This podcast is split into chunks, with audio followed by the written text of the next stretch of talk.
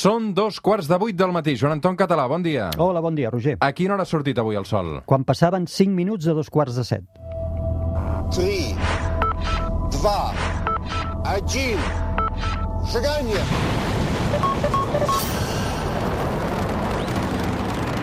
One small step for man, one giant leap for mankind. Joan Anton Català, com va la vida? Bé, Roger, bé, aquí acabant la temporada. Última secció i últim programa de la temporada, però eh, per la tranquil·litat de tota l'audiència deixa'm dir que el Joan Anton Català, evidentment, torna al setembre, eh? perquè aquest és un espai que, de fet, Joan Anton, vam començar fa dos estius, al matí de Catalunya Ràdio de l'estiu, tu Sí. i jo, eh, el que havia de durar sis setmanes, mira, ha, ha durat dos anys i, i un estiu. I anem per la tercera temporada i les que queden, eh? perquè bé. Eh, m'encanta poder parlar de ciència una bona estona els diumenges a l'hora que surt el sol en un programa tan llarg, tan gran i tan històric com és el suplement. O sigui que eh, estem molt contents, Joan Anton. Jo també. Què faràs aquest estiu? Doncs no ho sé exactament, treballar al Fabra i segurament ens agafarem uns dies amb la família, però acabarem de- acabarem d'encaixar-ho. Tu eh, condiciones les vacances al cel, també, o no? No, mai, mai. A veure, alguna vegada ho he fet, per exemple, per anar a veure un eclipsi de sol total als Estats Units a l'any 2017, evidentment. Doncs es va mu- muntar el viatge familiar per anar a veure aquest eclipsi, però en general no. O aurora boreal, no? O ah, també, és veritat, també vam Ah, és que ja t'he ja enganxat dos estius que sí que ho has condicionat. home, però tinc una certa edat, eh? vull dir que ja estius n'hi ha hagut molts, eh? Mhm. El cel més impressionant que has vist eh, de tota la teva vida, de dir, aquest cel només el puc trobar eh, fent un safari. Per exemple, a Sud-àfrica, jo recordo Sud-àfrica, també Tanzània, eh, amb aquells cels, quan estàs allà al mig dels parcs nacionals, que no hi ha llum, jo aquells cels no els he vist enlloc. I tu, per exemple, que ara a l'estiu el passes al Fabra, no? Eh, I que et fixes sobretot també amb el cel de Barcelona. Sí. Eh, ha canviat molt el cel de Barcelona amb confinament que sense? Jo, jo t'haig de dir que sí, que va canviar, però ara ja, com que de seguida hem recuperat les mals costums de tornar a contaminar el cel, però es va notar molt, molt, molt. Jo recordo fins i tot confinats des de casa, des de Sant Cugat, que la gent em deia, jo també mirava el cel i es veia un cel blau, com feia molt que no el veiem, i, i les estrelles, d'una forma com no les havíem vistes des de feia temps. Es va notar molt. Això és la Terra es plana, aquest espai de ciència i d'astronomia que fem cada diumenge a l'hora que surt el sol amb el Joan Anton Català. Avui, últim capítol de la temporada i amb un tema, atenció, de molt nivell. Eh? Vull dir, ens despertarem de cop, perquè jo m'he llegit el guió i prou de feina he tingut a entendre'l. Avui, amb el Joan Anton Català, intentem entendre i resoldre què és el fons còsmic de microones.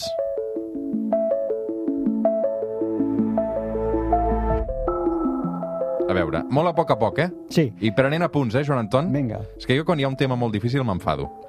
Home, no, doncs no voldria. Què és i, i com és aquesta llum que ens arriba? Ja veuràs com no t'has d'enfadar perquè és més senzill del que el nom indica. Uh, el fons còsmic de microones, que és una radiació, és una llum, és uh, la llum que ens arriba del primer sospir del Big Bang, del naixement del Big Bang. Va néixer a l'univers, en aquest Big Bang, i la llum que va emetre, ara ho anirem explicant poquet a poquet, fa 13.800 milions d'anys que va passar això, doncs la llum que va emetre el Big Bang en aquest primer sospir instant de l'univers ens arriba avui, la tenim en aquí, però com una llum de molt baixa energia perquè l'univers s'ha expandit i aquesta llum s'ha refredat i ens arriba en forma de microones, similars als microones que tenim a la cuina per escalfar els espagueti, doncs que també és llum, doncs ens- arriba aquesta, aquesta llum en format de microones molt freda, molt freda, molt freda, perquè ens fem una idea a uns menys 270 graus centígrads, i com que aquesta radiació omple tot l'univers, t'haig de dir que, per tant, aquesta és la temperatura de l'univers, i ha vegades que la gent pregunta, i a quina temperatura promig està l'univers? Doncs aprox a menys 270 graus centígrads, que és la temperatura d'aquesta radiació que ens parla del Big Bang. Mm. Com vam arribar a descobrir l'existència d'aquesta llum, Joan Anton? Que aquí ens hem de remuntar a començaments del segle XX, hem parlat alguna vegada al programa, tenim el Albert Einstein, el geni més geni de tots els genis, que havia formulat la seva teoria de la relativitat general que explicava com era l'univers. I les seves fórmules li deien al seu creador que l'univers havia d'es- d'estar expandint, però ell no, els, no es va creure ni les seves pròpies fórmules, perquè en aquell moment l'ortodoxia de la ciència pensava que l'univers era estàtic i que era etern, que sempre havia existit, i va domar artificialment les seves fórmules perquè com a resultat donguessin un univers feliçment estàtic. Ni ell mateix s'havia cregut la seva, les seves pròpies fórmules. I van ser altres, com un clergue bel, belga, el Georges Lemaitre, mm. que van veure a les fórmules de l'Einstein la expansió de l'univers. I es dona també l'anècdota que Lemaitre es va citar amb l'Einstein en un parc de Brussel·les, aprofitant un viatge del gran geni, i li va dir no sé com devia ser, m'hagués agradat veure per un forat, eh? però li devia dir, eh, mestre, o el que sigui... Has vist la llum? Sí, miri, miri, que les seves fórmules diuen que l'univers expandeix. I Einstein el va ningunejar totalment, el va destrossar. I li va dir, les seves matemàtiques són correctes, la seva física és abominable. I el va destrossar totalment. Einstein tenia un caràcter molt fort. Mm -hmm.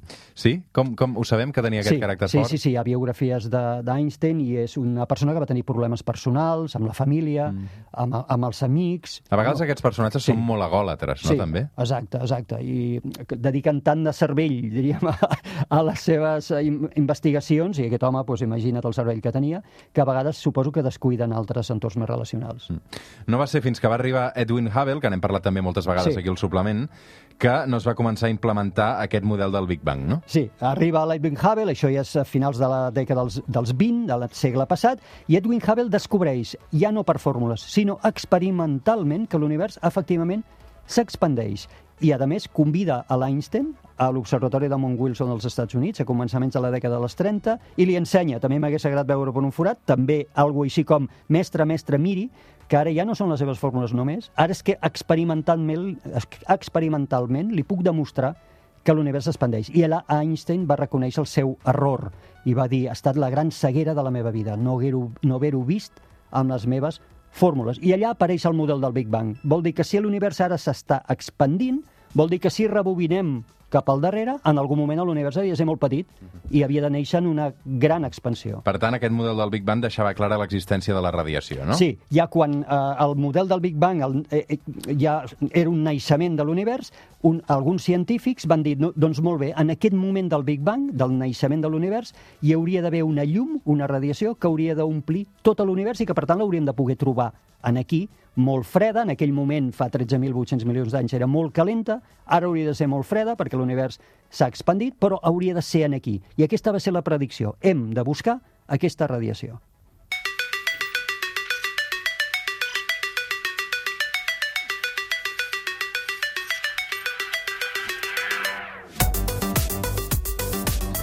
I aleshores, Joan Anton, apareixen Wilson i Penzias i s'ho troben pràcticament tot plegat de manera accidental, no? Totalment. Eren dos físics americans que tenien, a prop de New Jersey, estaven provant una radioantena. Ells no buscaven aquesta radiació, no en tenien cap intenció de buscar-la, però aquesta radioantena, que era molt potent, els hi va començar a donar interferències, apuntessin on l'apuntessin. Primer van pensar que era la ciutat de New Jersey o la de New York, però van veure que no. Després es dona l'anècdota, però certa, que van trobar un niu de coloms dins de l'antena i van pensar que les caques dels coloms eh, els estaven produint les interferències, van netejar eh, totes aquestes restes de l'antena i l'antena seguia donant interferències fins que van començar a sospitar que aquestes interferències que ells estaven rebent, de fet, podia ser aquesta llum anunciada pel model del Big Bang i que mai encara s'havia descobert. Aquí estem a l'any 1964-65, per tant han passat molts anys des de que el Big Bang com a model es va descriure teòricament i aquí ells s'ho troben sense buscar-ho i fan una trucada molt famosa a la Universitat de Princeton.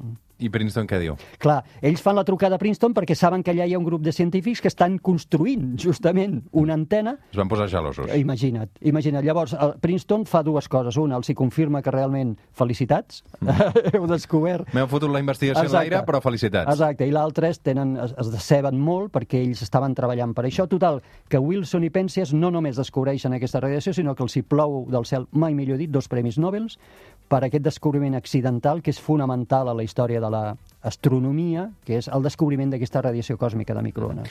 Hem explicat com va el, el descobriment, però explica'm eh, per què diem que aquesta llum que ens arriba des de, des de poc després del, del Big Bang passa això. Per què arriba després del, del Big Bang aquesta llum? Perquè en el mateix moment, en el moment zero del Big Bang, es va produir molta llum, molta radiació, però la- a l'univers era tan dens, la matèria estava tan comprimida, n'hi havia tanta de matèria en tan poc espai, que aquesta llum inicial rebotava, només feia que rebotar contra els primers, les primeres partícules, sobretot els primers electrons, que es van formar. Per tant, era llum captiva, no, no podia viatjar a través de l'univers ni, ens, ni la podem rebre actualment. Aquella llum es va perdre per sempre. Però, com que l'univers s'expandia i es refredava, resulta que 380.000 anys, només, després del moment zero, l'univers s'ha refredat suficient com perquè els electrons que li feien la punyeta a la llum quedin combinats dins els àtoms. Desapareixen els electrons lliures, perquè queden combinats per formar àtoms. I la llum que hi havia en aquell moment 380.000 anys després del Big Bang, queda lliure per viatjar a través de l'univers. I és aquesta la llum que rebem com a fons còsmic de microones. Per tant, és I la és llum... la més antiga. És la més antiga que mai podrem rebre de llum. 380.000 anys després del Big Bang, perquè la llum que hi havia abans ja es va perdre per sempre. I per això també, eh, això vol dir no, que al mateix moment del Big Bang no el podrem veure mai. Efectivament, eh, com que la llum d'aquell moment es va perdre i la llum és el missatger que nosaltres utilitzem, no el podrem veure mai. Ara bé, tenim altres missatgers que estem practicant amb ells, com les zones gravitacionals, que eh, a l'any 2015, si mal no recordo, es va descobrir la primera, que es va anunciar el 2016. Doncs les zones gravitacionals, que són vibracions de l'espai, no són llum, i sí que eh, en algun moment, quan la tecnologia la tinguem, eh, podríem, a lo millor, rebre la vibració de l'espai del moment zero, del mateix Big Bang, però en llum no. Per tant, a l'esdeveniment del Big Bang no el podrem veure, però torno a dir, estem veient, entre cometes, com era l'univers fa 380.000 anys, després del Big Bang.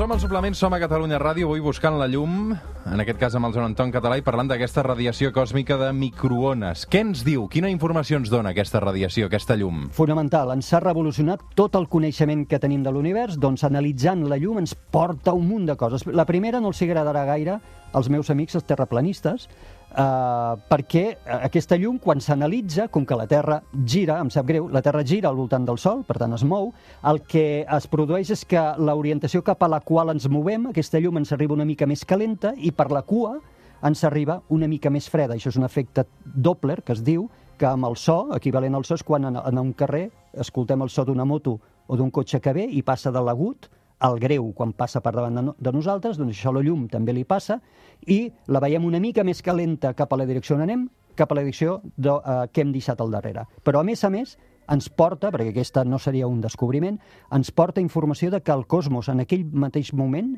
en el primer moment, era molt uniforme, era molt, molt, molt uniforme, com, com molt igual a tot arreu, perquè és una radiació extraordinàriament igual, miris on miris del cel. Per tant, això ja vol dir que en aquell moment les llavors de l'univers feien que el cosmos fos molt uniforme. Mm -hmm.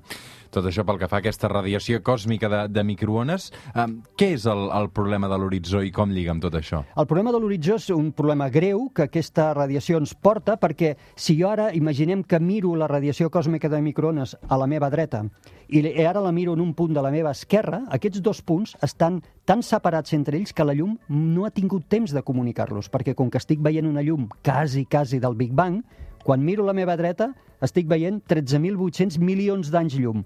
Quan miro la meva esquerra estic mirant 13.800 milions d'anys llum. Per tant, aquests dos punts estan separats al doble de distància del que la llum ha pogut recórrer des de que va néixer l'univers. Per tant, aquests dos punts no han pogut parlar mai entre ells i dir-se, ei, ei, que hem d'estar a la mateixa temperatura, perquè el Joan Anton ens mirarà i hem de dir-li que estem a la mateixa temperatura. No s'han pogut comunicar. Llavors, com és que quan mirem a la dreta i mirem a l'esquerra veiem tot l'univers tan uniforme? I això s'anomena el problema del, de l'horitzó.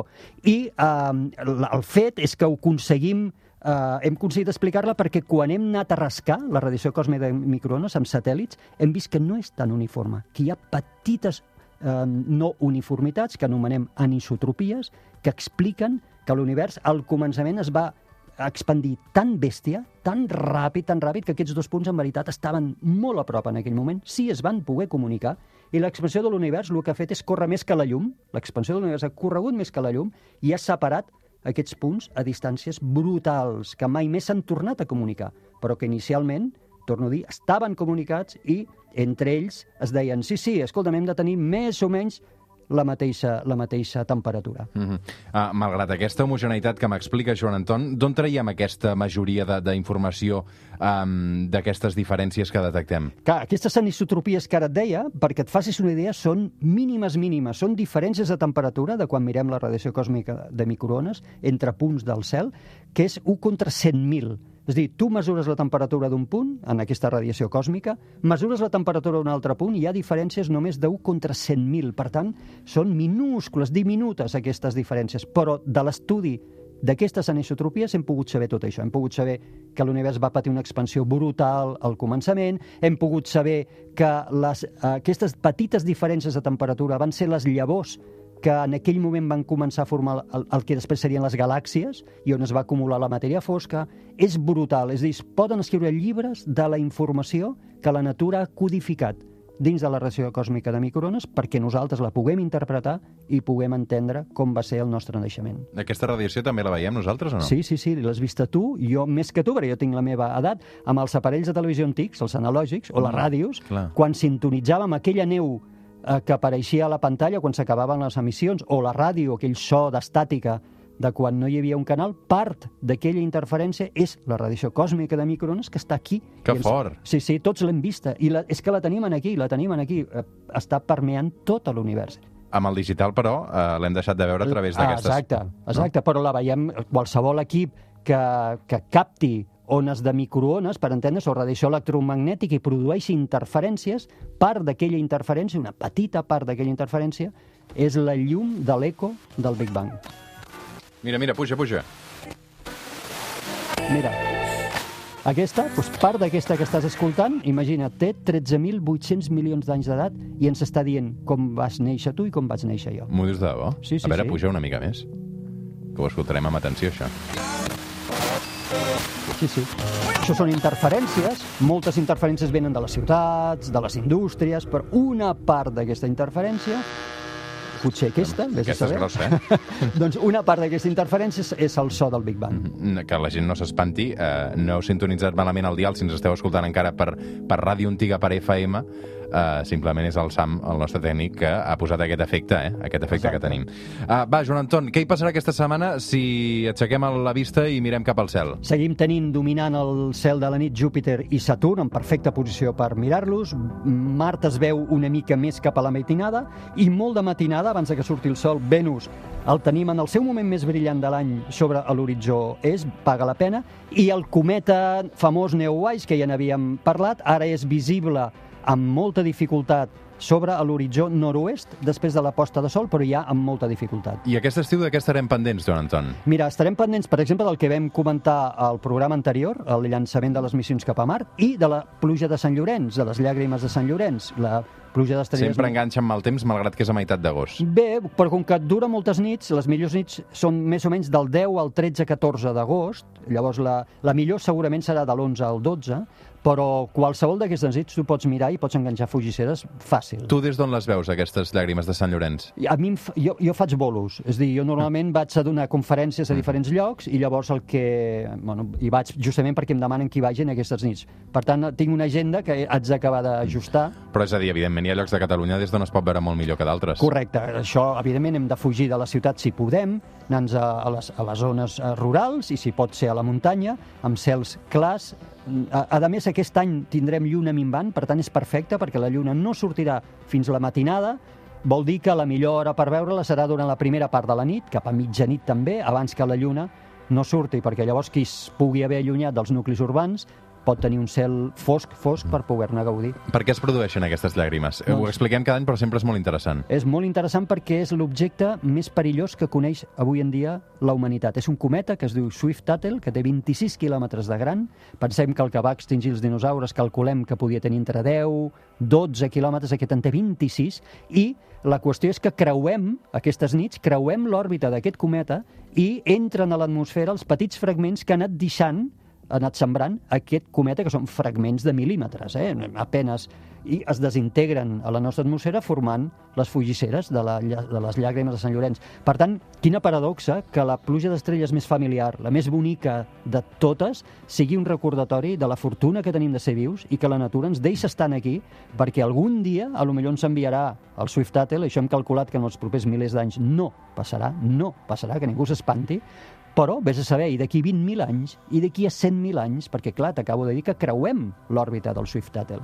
Pues, igual algun dia coincidim en allà, i aquell dia doncs pot ser l'hecatombe absolutament. Per tant, jo li dic a la gent sempre, gaudim d'aquestes eh, pluges estrelles, no ens preocupem per les coses del cel, perquè són a molt llarg termini, tenim altres coses a preocupar-nos aquí, ara, avui, aquí, a la Terra, però donguem gràcies i donem-nos respir de totes les dificultats que passem veiem, veient aquesta fortuna que tenim de ser vius, el que ha treballat la natura per donar-nos vida i com aquestes fugisseres que entren i te les mires i que dius, uau, l'has vist? Doncs són aquest recordatori que la natura ens ha posat en aquí i ens traurà d'aquí quan ella vulgui.